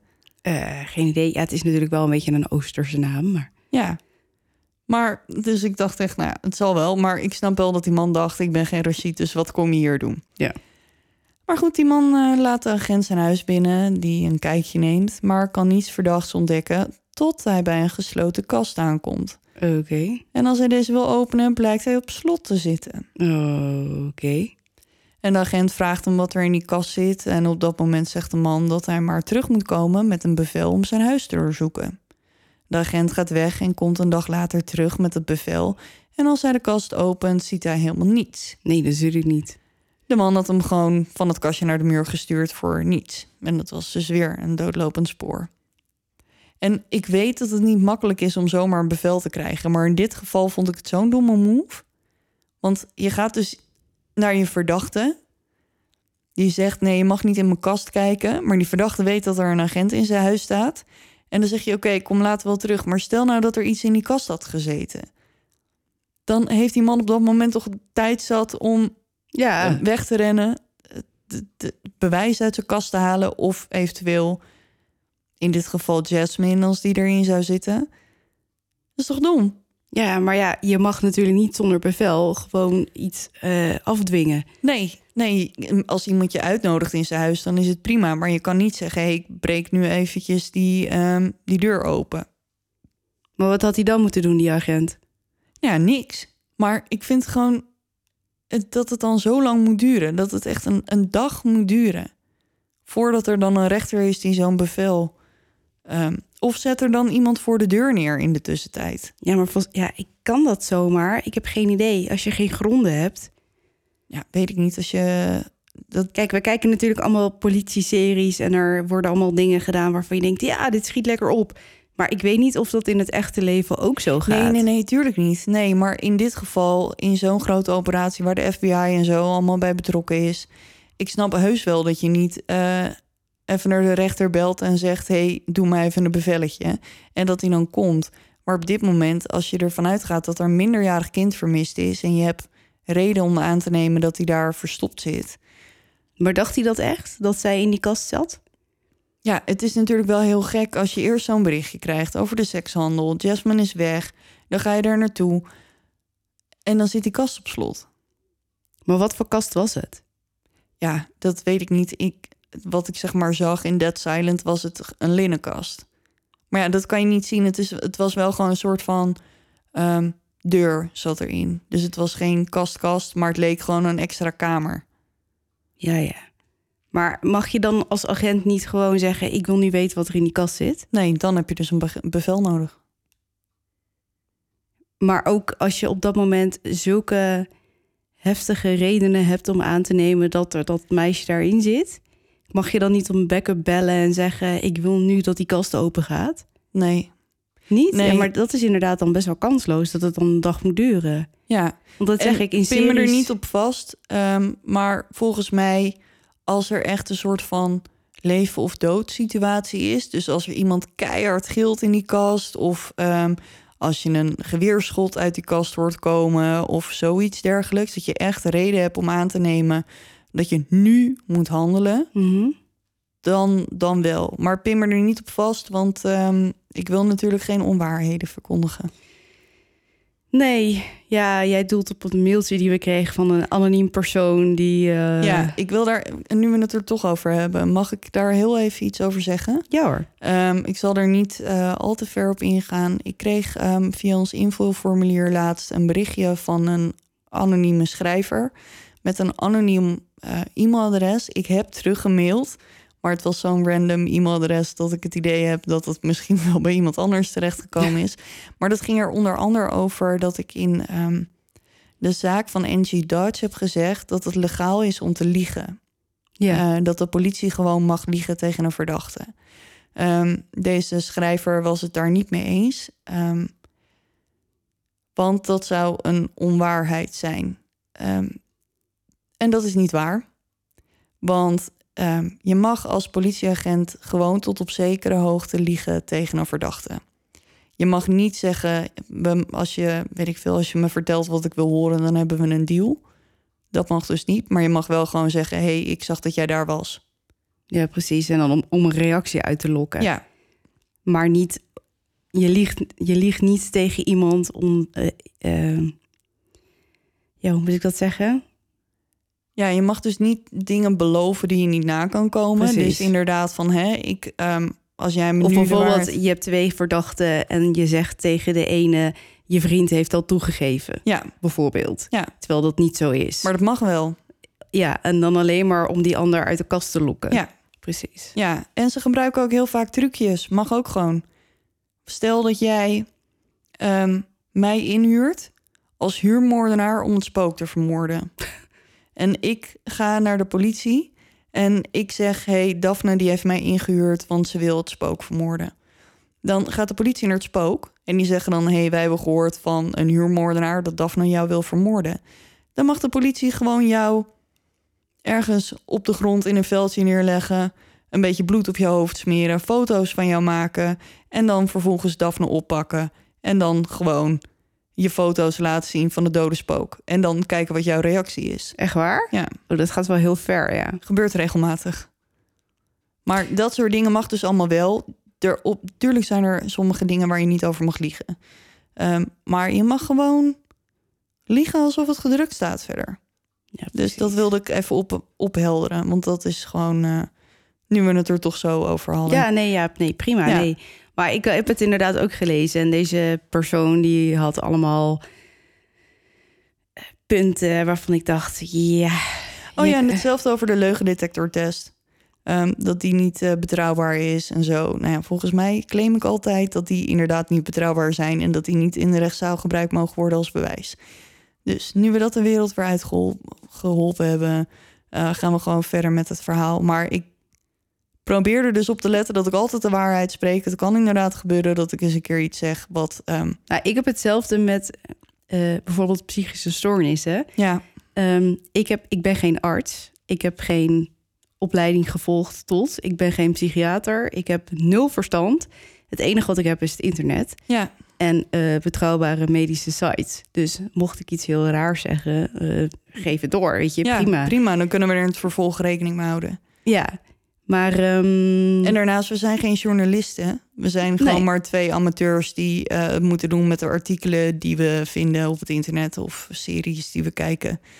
Dus het kan altijd gebeuren dat er een foutje in sluipt. Maar in dit geval dit eh, klopte gewoon niet. was ik er heel zeker van dat het, dat het niet de waarheid was. Maar daarom wil ik mezelf nu even extra indekken. indekken. Ja, Ehm, ik denk dus dat het zo zit, maar ik weet het niet zeker. Dus volgens mij mag je in een situatie of leven of dood...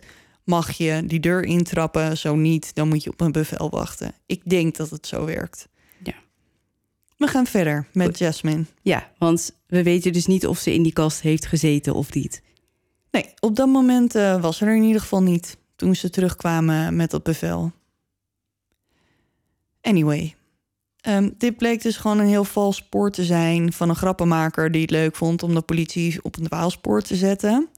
En de politie krijgt met een bevel toegang tot het account en komt erachter dat het een valse naam bleek te zijn. Nou ja, no shit, Sherlock.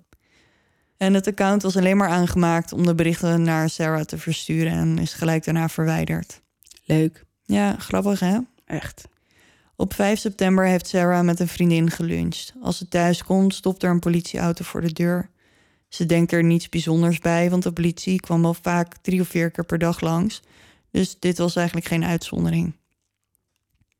Pas als de agent vraagt of ze even in zijn auto kunnen praten, weet ze dat er iets anders is dan anders. Of hij had heel erg goed nieuws, of vreselijk slecht nieuws. Maar het was goed nieuws. Heel erg goed nieuws. Jasmine was gevonden. Oh, echt? Ja, levend en wel. Oh, Oké. En dat brengt ons bij Earl Melkert. En hij woont op een boerderij van 65 hectare vlakbij Alexandria. In de buurt van zijn huis is een meer en het is er erg landelijk. Als hij die dag op het punt staat om naar zijn werk te vertrekken, krijgt hij een telefoontje van een boer die land heeft vlakbij het land van Earl om te vragen of hij daar even wil gaan kijken. Hij springt in zijn truck en rijdt naar de velden van de boer en doet wat hij moet doen. Maar voordat hij doorrijdt naar zijn werk, besluit hij even langs huis te gaan om een jerrycan met diesel op te halen die hij de dag daarvoor vergeten was. Als hij de jerrycan gepakt heeft, stapt hij weer in zijn auto en staat op het punt om weg te rijden als hij heel ver weg in een veld iets ziet bewegen. Iets dat hij niet kan thuisbrengen. Het is een 800 meter verderop en hij staat er, staat er ongeveer een volle minuut naar. Maar hij heeft echt geen idee waar hij naar kijkt en dan verdwijnt het. En hij dacht bij zichzelf, nou, zal wel een hert of zo zijn. En hij besluit te vertrekken. Hij start zijn auto, maar daar was het weer. Nu is hij nieuwsgierig en wil weten wat, er op zijn land loopt. Want het leek hem nou, niet iets dat hij al eerder had gezien. Als je al, hij woonde daar al zijn hele leven, dus vaak, ja, als je dan, dan heb je honderd Ken je omgeving wel een ja, beetje? en als je dan honderd keer een hert hebt gezien, dan weet je wel hoe een hert Mhm. of 800 meter verderop eruit ziet. Hij staat naast zijn truck en hij ziet dat het ding naar hem toe begint te lopen, maar hij kan nog steeds niet zien wat het is. Als het dichterbij komt, realiseert hij zich dat hij naar een mens kijkt. Een mens dat op zijn land loopt en hij vraagt zich af waarom dat is, want het is gewoon zijn terrein. Uiteindelijk kan hij onderscheiden dat het een vrouw is. Hij besluit om in zijn truck te stappen en naar haar toe te rijden om haar op te pikken. Toen de vrouw de wagen zag bewegen, begon ze op hem af te rennen. En op dat moment had Earl zoiets van: Wat gebeurt hier? Ja. Het gebeurt tenslotte niet elke dag dat er een vreemde vrouw door je weiland rent. Als de vrouw dichterbij komt, herkent Earl haar gezicht. Het gezicht dat hij de laatste weken overal heeft gezien. Het gezicht van Jasmine Blok. Ze heeft een t-shirt en een korte broek aan en ze is drijfnat. Zodra Jasmine Earl ziet, begint ze te huilen en zegt dat er mensen achter haar aan zitten. Earl belooft haar te helpen en zet haar in zijn truck. Zodra ze veilig in de auto zit, begint Jasmine te vertellen wat er gebeurd is. Ze vertelt dat ze gekidnapt is en mishandeld en Earl belt de politie. Detective Tony Gold krijgt het telefoontje dat Jasmine gevonden is en hij race naar het huis van Earl om Jasmine op te vangen. Als hij aankomt is er al een ambulance aanwezig om Jasmine te behandelen. Hij is zo opgelucht dat ze gevonden is, maar hij moet haar zo snel mogelijk ondervragen om de daders te vinden. Hij rijdt met haar mee in de ambulance naar het ziekenhuis om zo weinig mogelijk tijd te verspillen. Als Jasmine begint te vertellen, kan hij zijn oren niet geloven. Hij had van alles verwacht, maar niet dit. Dit is het verhaal van Jasmine. Op 8 augustus rond een uur of elf lag ze op de bank te facetimen met Andrew toen ze buiten een auto voor de deur hoorde stoppen. Het viel haar op omdat de auto heel veel herrie had gemaakt voordat hij aankwam. Niet veel later wordt er op de deur geklopt en ze hangt op met Andrew om de deur open te doen. Als ze de deur opent, ziet ze Thomas Barker voor de deur staan, de vader van haar beste vriend John, waarmee ze had gefietst die dag. Hij zegt tegen haar dat er iets mis met John is, want hij heeft een zenuwinzinking en hij heeft hulp nodig. Ze stappen samen in de auto en rijden naar John. Bij het huis aangekomen gaat Jasmine op zoek naar John, maar ze kan hem niet vinden. Thomas zegt dat hij in de kamer aan het einde van de gang is. Hmm, dat klinkt al onheilspellend, Ja, als ik heel eerlijk mag zijn. ja. Als ze de deur open doet, staat Thomas ineens achter haar, geen John te bekennen in de slaapkamer. Jasmine vraagt waar John is en Thomas zegt dat hij er niet is en dat zij nooit meer naar huis zou gaan. Hij grijpt haar en sluit haar op. Hij heeft haar meegenomen naar het huis waar hij samen met zijn huisgenoot Jos Holby woonde. Twee weken na haar verdwijning joint Steven Powers de club. Toen was het dus al twee weken bezig. Toen dacht een derde, goh, leuk. Maar dit is de vader van die vriend van haar, van John. Ja, de vader van haar beste vriend. Oké, maar die kent ze natuurlijk ook gewoon. Ja. Een beetje alsof jouw vader mij zou kidnappen. Ja. Ja, ja, Wat bizar. ja, dat eh, vond iedereen. Het grootste gedeelte van haar tijd brengt ze door opgesloten in een kast. Ze dwongen haar om Matt in te nemen en ze werd alleen uit de kast gehaald als ze haar seksueel wilde, wilde misbruiken. Terwijl Jasmine in de kast zit, probeert ze van alles te bedenken om te ontsnappen. Ze denkt over elke manier na, maar Thomas dreigt haar dood te schieten als ze een poging deed om weg te komen. Haar handen zitten eigenlijk altijd vastgebonden met tie wraps, dus veel bewegingsruimte had ze niet. En nu we het toch over tie wraps hebben, ehm, die zouden op dezelfde manier kapot moeten gaan als de duct tape, ehm, als je de juiste techniek weet. En op onze social media staat een filmpje van ons terwijl we ontsnappen terwijl we geductict zijn. Mhm. Ehm, heel leerzaam. Dus nou ja, wil je weten hoe je uit duct tape en tie wraps moet ontsnappen? Oh, nu Dan, wil je eh, het zeker met Tywers proberen. Nee. Want Volgens die- mij snijdt het partij in je polsen, ja, joh. en de ontsnapman zei ook wel: ehm, het is iets moeilijker, maar in principe is het dezelfde techniek. Maar als je op het punt staat van ontsnappen, dan is je adrenaline natuurlijk zo hoog dat het ook helemaal niet meer uitmaakt. Maar wij gaan nog wel een deel 2 opnemen, maar dan gewoon met duct tape. Ja, precies. Goed, terug naar de zaak. Tijdens haar gevangenschap proberen Thomas en zijn vrienden Jasmine meerdere keren te vermoorden, maar al hun pogingen mislukken. Ze Hoe dat zo dan? Nou ja, ze proberen haar te laten stikken onder een bank. Sorry? Ja. Hè? Ja, ik weet dus niet hoe ze dat... Dat was ook het enige wat ik... Dit komt niet uit Dead Silent, maar uit een artikel wat ik hierover gevonden heb. Maar dat was ook het enige wat er stond. Hebben ze er eronder gelegd en zijn ze erop gaan zitten... in de hoop dat ze Ik heb- zo... Ik zou niet weten hoe je dat moet doen. Of hebben ze er tussen de kussens gestopt? Ik heb geen idee. Maar in ieder geval, dat was dus een van de pogingen. Ehm, ze probeerden haar één of twee keer te verdrinken in een bad. En ze probeerden haar op te hangen. Maar alle hun pogingen mislukten. En je zit heel moeilijk te kijken. Ja, want ehm, als je eenmaal zo ver bent dat je iemand gaat doodmaken, dan lijkt me dat je dat doorzet, toch? En Ja. dat je het een paar keer probeert en het lukt niet, dat lijkt me heel. Dan wil je het blijkbaar niet goed, niet, niet erg genoeg. Ik heb geen idee Of wat er in het hoofd van die kerels ehm, omging. Echt Nou, niet. ik, nee, ik ook niet.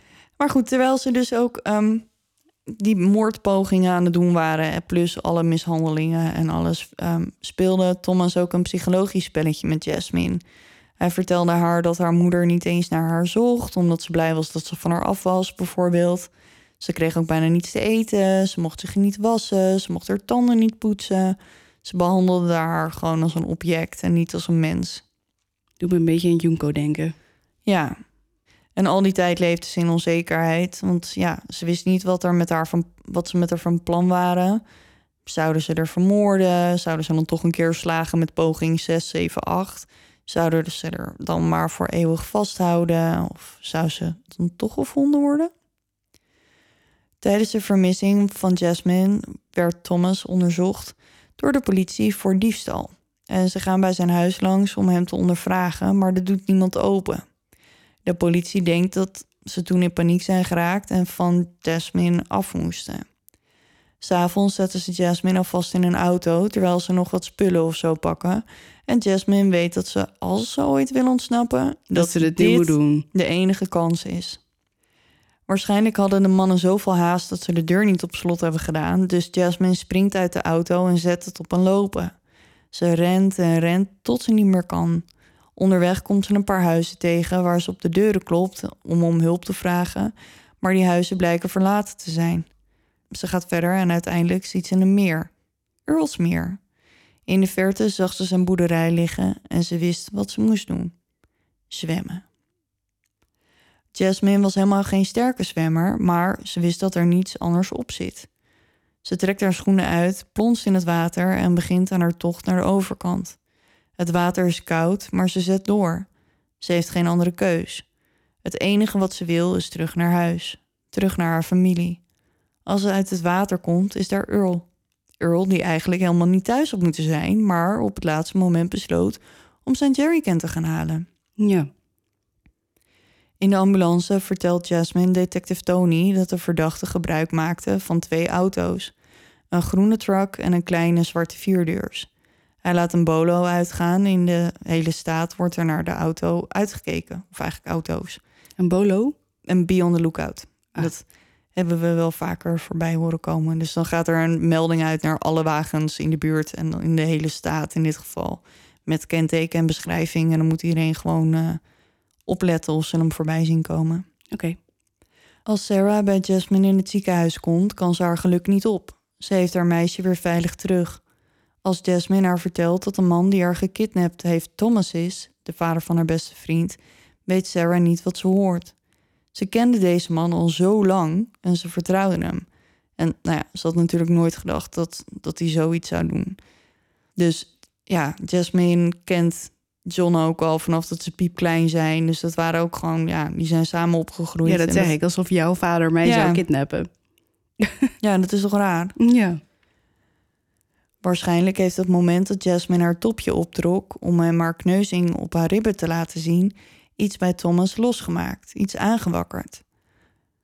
Toen begon hij met het plannen van zijn ontvoering. Niet lang nadat Jasmine gevonden is, pakt de politie Thomas, Steve en Josh op. Ze werden staande gehouden tijdens de verkeerscontrole en werden gelijk in de boeien geslagen. Josh Holby werd vervolgd voor ontvoering en krijgt zeven jaar. Steve Powers werd vervolgd voor verkrachting en ontvoering en krijgt 8,5 jaar. Thomas Barker werd vervolgd voor ontvoering en verkrachting en pleit schuldig. Hij krijgt 25 jaar. In 2019, dan 17 jaar oud, doet Jasmine haar verhaal bij Dr. Phil. Ze heeft nog steeds last van de gevolgen van haar ontvoering. Doktoren hebben haar gediagnosticeerd met een bipolaire depressie.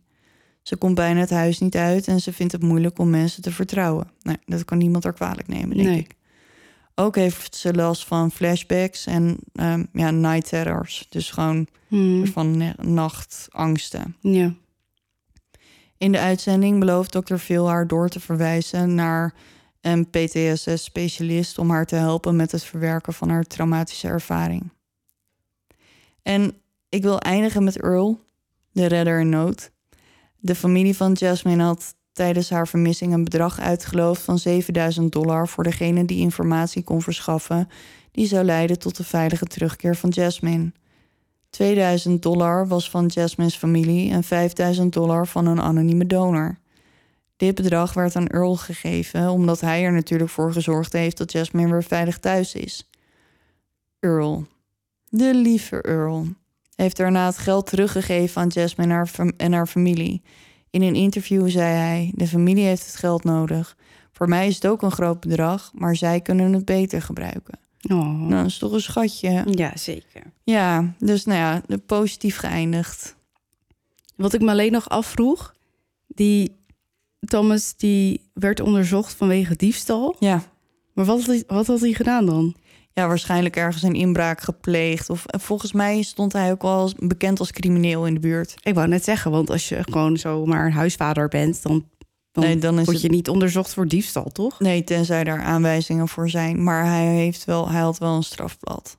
En John dan, zijn vader eh, ging ineens een vriendin eh, ontvoeren. Ja, daar heb ik dus helemaal niks meer over gehoord. Ook in Dead Silent niet. En in, die, ehm, in de artikelen die ik verder heb gelezen niet. Dat lijkt me een beetje een koude kermis als je vader eh, erachter ja, zit. en volgens mij heeft, heeft Thomas ook iets van zes kinderen of zo. Dus, ehm, En het erge is ook, terwijl Jasmine daar in die kast opgesloten zat... blijkbaar had hij ook nog een vrouw. Die kwam ook gewoon over de vloer en zijn moeder. Maar die wisten er allemaal niet van. Nee. Maar wat is het dan bizar verhaal dat, dat die ene Rashid Schmidt, die niet bestond, dat hij ook een kast had? Ja, maar ja, dat was gewoon toevallig. Die, die, die, die meneer Smit die heeft gewoon een random adres opgegeven van Pietje in, in Missouri, of waar zat hij? En die meneer die had toevallig een kast die op slot zat.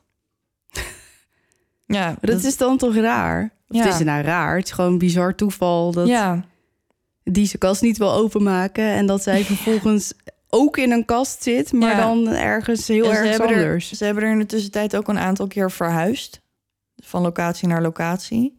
En volgens mij, ehm, ja, op het moment dat ze ontsnapte, hadden ze natuurlijk een beetje haast. Omdat ze waren in het huis terwijl er aangeklopt werd door de politie. Dus ze hebben gewacht en toen Jasmine ehm, in de auto gezet. Maar volgens mij las ik ergens dat ze ergens drugs hadden laten vallen. Dus dat moesten ze nog wel even oppakken. Want dat kan je natuurlijk niet laten liggen, zonde. En ze gaven er met, toch? Ja. Zei je. Mhm. Maar dat is extreem verslavend, toch? Ja, volgens mij wel. Maar heb je daar dan niet last van? Moet je daar dan niet van afkicken? Ook al wilde je het niet nemen, want je wordt gedwongen. En Ja, je, je- dan moet je wel natuurlijk. Ehm, ik heb daar verder niks over de gevolgen daarvan. Ik neem aan dat ze er vanaf is. Want ik heb natuurlijk bij Dr. Phil en zo ook. Mhm. Ik heb, Heb de je- aflevering zelf niet gezien. Nee. eh, maar wel artikels met ehm, beschrijvingen van wat, wat er gezegd is bij Dr. Phil. En ik heb nergens iets over een drugsverslaving Nee, eh, voorbij zien komen. Dan zit je daar ook nog even mee, hè? Ja. Ja, en eh, gelukkig leeft ze. ja, Dat had natuurlijk ook anders kunnen aflopen. het had heel anders kunnen aflopen. Nou goed, ik ben in ieder geval blij dat ze nog leeft en dat de daders gepakt zijn. En ehm, Ja, in ieder geval eh, voor haar een rela- relatief positief einde, zeg maar. Ja, en ik hoop dat dokter Vilder ook daadwerkelijk heeft doorverwezen naar een PTSS-specialist die er geholpen heeft. Dat hoop ik altijd wel. Hij zegt dat altijd Ja, wel. maar ja, in hoeverre gebeurt het dan, weet Ja. je wel? Dokter Phil schijnt ook helemaal niet leuk te zijn om voor te werken. Eh, nee, dat heb ik ook wel eens gehoord. En Hij er- schijnt echt een beetje een Tiran te ijskoude... zijn, ja. En er werken alleen maar vrouwen, want die kan hij lekker makkelijk onder de duim houden of zo. Oh, echt? Ja, Terwijl zijn eigen vrouw beweert dat hij hartstikke sympathiek is. Ja tuurlijk. Maar ja, Ja. in hoeverre wordt zij dan weer gedwongen? Maar goed, hey, eh, geen idee. Ik, Nee. Misschien is Dr. Phil wel echt... eh, Een topgozer. ja, geen idee. Op een gegeven moment stond zijn huis te koop. Heb je dat gezien? Nee. Dat leek wel een soort van ehm, attractiepark. Wat dan? Ik had een heel stijlvol huis verwacht, maar dat was het niet. Misschien kan ik het nog ergens vinden online. ja, alsjeblieft, post even de foto's van het huis van Dr. Phil graag. Ik ben heel benieuwd. Maar anyway, nee, hij zegt inderdaad natuurlijk wel altijd dat hij voor mensen hulp gaat regelen, maar vervolgens hoor je er nooit meer wat van. Nee, dat is wel jammer, ja. Ja, dus ik hoop het echt. En als het dan niet via Dr. Phil is, en dat is zo jammer. ehm, ja, ze hadden het gewoon al niet zo breed. En als je dan in Amerika ook nog eens een keer je eigen therapie moet bekostigen om ehm, zo'n trauma te verwerken, dan wordt het natuurlijk best pittig. Eh, ja, Ja, het is ook nog niet zo heel lang geleden. nee. Drie jaar. Heftig, man. Ja, Dat het soort dingen gewoon gebeuren. Zo ja dan kan je toch niet eigenlijk. voorstellen dat er iemand hier op de deur... en net wat je zegt, dat mijn vader hier voor de deur staat... Ja. en dat hij zegt, ja, Kimberly die heeft de zenuwinzinking. Je, Je, moet mee. meekomen, ja. Dan zeg je toch ook, ja, oké, is prima. Ja, tuurlijk. Ja, ja tuurlijk. Ja, Ja, we eindigen altijd hetzelfde. ja Ik dat kan, wil er, ik- ik kan, er, kan er met mijn hoofd niet bij en ik snap het niet. Nee. Maar goed, jongens. ehm dat zit er weer op voor deze aflevering. Ja. Dankjewel voor het luisteren. Ja, en vergeet dan niet om eh, mee te doen aan onze winactie voor eh, Discovery Plus jaarabonnement. Liken en sharen. Ehm, de post gaan wij dan posten Mhm. en die moet je dan sharen. Ehm, je hebt tot 13 januari de tijd. En zal ik dan nog voor één keertje gewoon even de socials nog even snel? Ja, en het is geen Twitterpot, hè? Nee, het is Duisterpot. Ja. Het Duisterpot. Dat is dus Twitter. Ik heb het nu goed uit mijn mond gekregen, dus ik ga gelijk verder met de rest. Facebook.com slash Duistere Podcast. YouTube, Duistere Podcast. Kan je ons niet zien, maar wel horen. Dan hebben we nog Instagram. Dat is eh, het Duistere Podcast. En de website voor de show notes. show notes. Show notes. www.duisterdepodcast.nl Dankjewel jongens voor het luisteren. Ehm, iedereen die ehm, in onze groep zit, superleuk dat jullie er zijn. iedereen die ehm, nog bij onze groep wil komen, jullie zijn allemaal van harte welkom. Juist. Ik, ik heb daar echt niks meer aan toe te Nee, dat dacht ik al. Ik denk, ik maak het gewoon gelijk even af. Ja, prima. Oké jongens. En onthoud, Blijf in het licht. want je weet nooit wat er in het duister op je wacht. Op een moment dat je facepalmt met de tafel, zie ik.